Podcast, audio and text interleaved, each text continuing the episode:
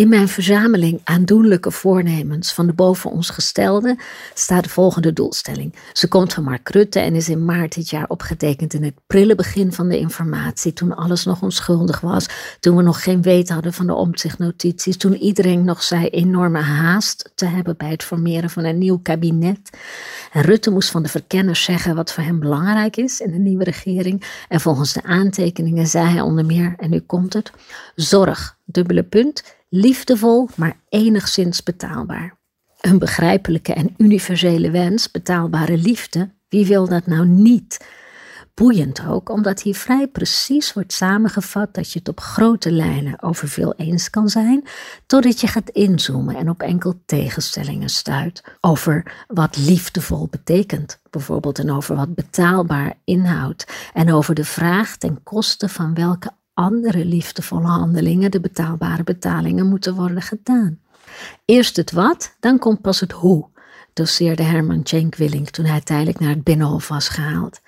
Er werd eerbiedig geknikt, maar langs de weg van het wat naar het hoe staan een stuk of negentien kamerfracties met een stuk of negentien verschillende routebeschrijvingen.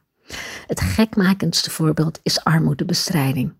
Dat één op de negen kinderen in Nederland opgroeit in armoede is de favoriete statistiek van politici uit alle hoeken van het politieke spectrum. Verschrikkelijk, zou niet moeten mogen, kan niet zo zijn dat in dit land, et cetera, et cetera.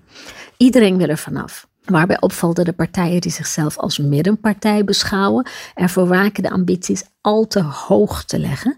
Zo wil CDA-leider Hoekstra het aantal kinderen in armoede halveren, want in het radicale midden is de helft radicaal zat. En VVD en D66 schreven in hun opzet tot aanzet voor een regeerakkoord verminderen met tenminste de helft. Want stel je voor dat de achterban ze zou verdenken van radicale gedachten of erger van niet realistisch zijn. Over het wat is dus iets wat je brede overeenstemming zou kunnen noemen. Het is een schande of een halve schande dat in een steenrijk land gemiddeld in elk klaslokaal een paar kinderen zitten voor wie goede kleding en schoeisel, fatsoenlijk eten, een laptop, een schimmelvrij huis, vakanties, boeken en alle andere dingen die belangrijk zijn als je een kind bent, niet vanzelfsprekend zijn. Daarna begint het eindeloze praten in rondjes. Om de zoveel tijd zet een partij, meestal uit de oppositie, de schijnwerper op de oorzaken. Meestal gestaafd door onderzoeksinstituten, door diverse afkortingen uit de polder van SCP tot CPB tot SER en door lokale bestuurders die gruwelijke Haagse regelingen moeten loslaten op de inwoners van hun gemeente. Zoals de gestage jaarlijkse verlaging van de bijstandsuitkering. Het is al een decennium bewust beleid, omdat het juist goed zal zijn voor de mensen als ze tot werken worden aangezet. Het leidt in de praktijk tot verdere armoede. Zoals de strengheid die controlerende ambtenaren verplicht moeten toepassen van opeenvolgende generaties politici. Zeg toeslagenschandaal, zeg kostendelersnorm en de verhalen komen vanzelf. Genoeg politici deden ook deze week weer hun best tijdens de algemene politieke beschouwingen. Sylvana Simons stekkelde de kostendelersnorm. Jesse Klaver hielp één Pieter Pieter Omtzigt aan meer spreektijd om de armoedegrens nog eens onder de aandacht te brengen. Lilian Marijnen, ze doet niets anders. Er waren moties van de fractie PvdA GroenLinks.